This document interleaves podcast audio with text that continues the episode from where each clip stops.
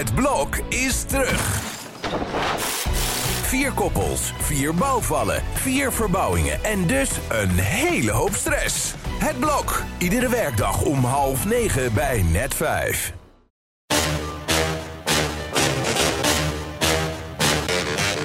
Dit is Trick Privé. De dagelijkse showbiz-update met Evert Zandgoeds en Jordi Versteegde.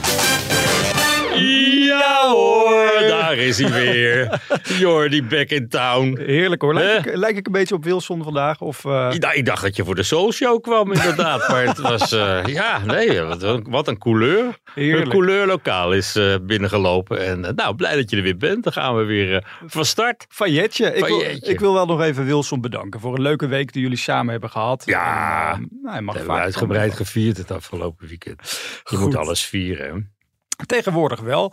Nou, we gaan gewoon weer, eh, nou ja, ik wou zeggen vrolijk door, maar zo vrolijk starten we vandaag niet. Eh triest nieuws over Dave Roelvink. Ja, die heeft ook weer iets te veel eh, gevierd. En drie weken lang is het hem gelukt geheim te houden dat hij in Zuid-Afrika alweer opgenomen is in een uh, afkeerkliniek.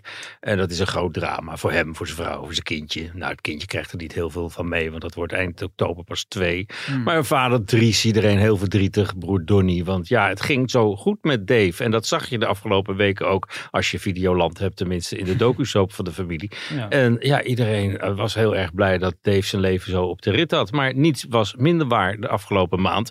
In één week tijd is hij twee keer flink de fout ingegaan.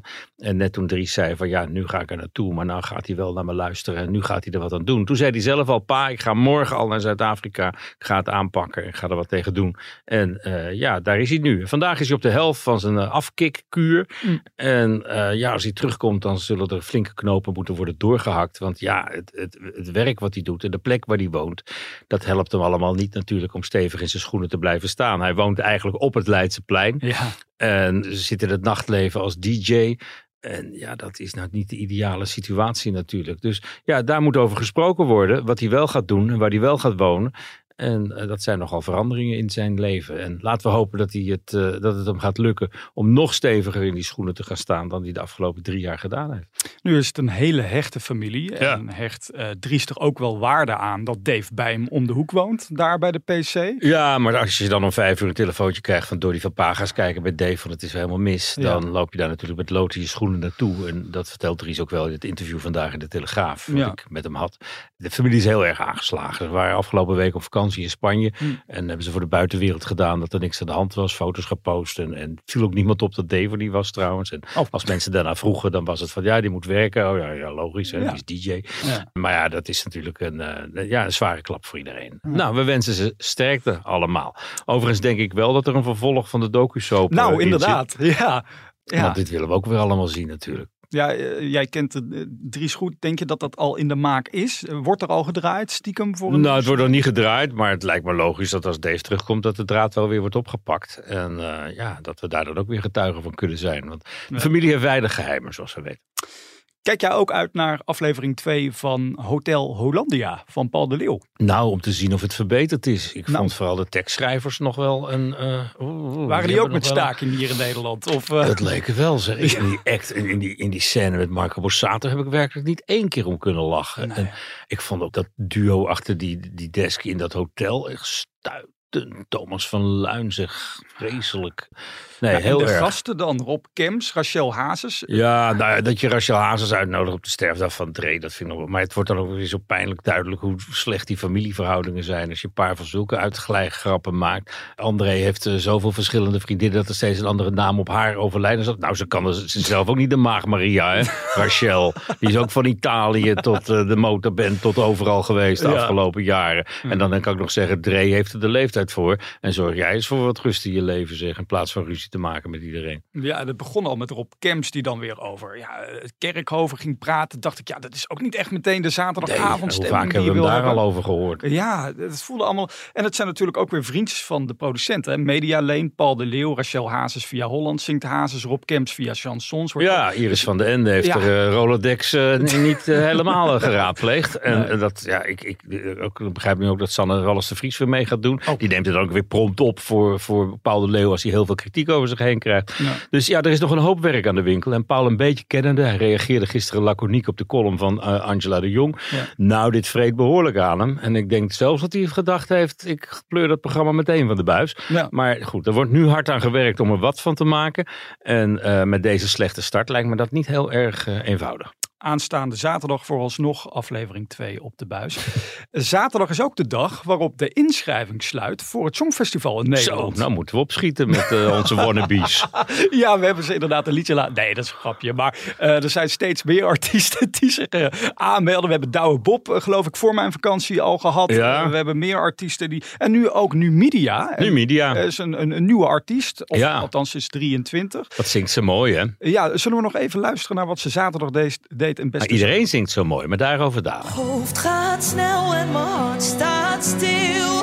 Is dit werkelijk wat ik wil? Verloor mijzelf, alles is maar schijn. Ik gaf alles om bij jou te zijn. Ja, je herkent het wel. Ja, Arcade.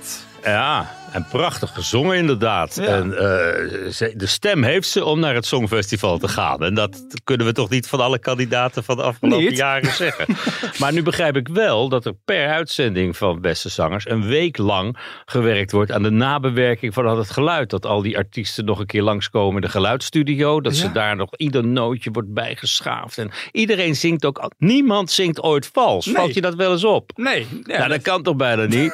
dus dat is het geheim van beste zangers. Dat is het geheim onthul van beste zangers even. wat nooit eerder onthuld is. Nou. En eh, dat wordt een, een, een volle week, ja, dan kun je aardig alles opklooien. en eh, het zijn natuurlijk heus wel de beste zangers. Ja. Maar het zijn nog betere zangers dan alles wat er daarna in Nederland gebeurt. aan die knopjes wordt gedraaid. Nou ja, Numidia, ik zat nog wel even te denken, zij is pas 23. Heb je dan niet te weinig ervaring om naar het Songfestival te gaan? Moet je dan al gelijk, moet je niet eerst even, we hebben dat ook bij Mia en Dion gezien, moet je niet eerst eens even... Ja, maar die hadden bijna geen podiumervaring. En, Nee. en kijk, als je, als je dit zingt bij beste zangers, dan ben je nu al stukken, ga je, sta je nu al met kop en schouders boven die Bia en Dion uit. Dus Ja. eh, dat weet ik niet. Maar Ja. ja. ik zou een ervaren artiest natuurlijk wel een keer leuk vinden. En ik noem nog maar een keer eh, mijn favoriete groepje.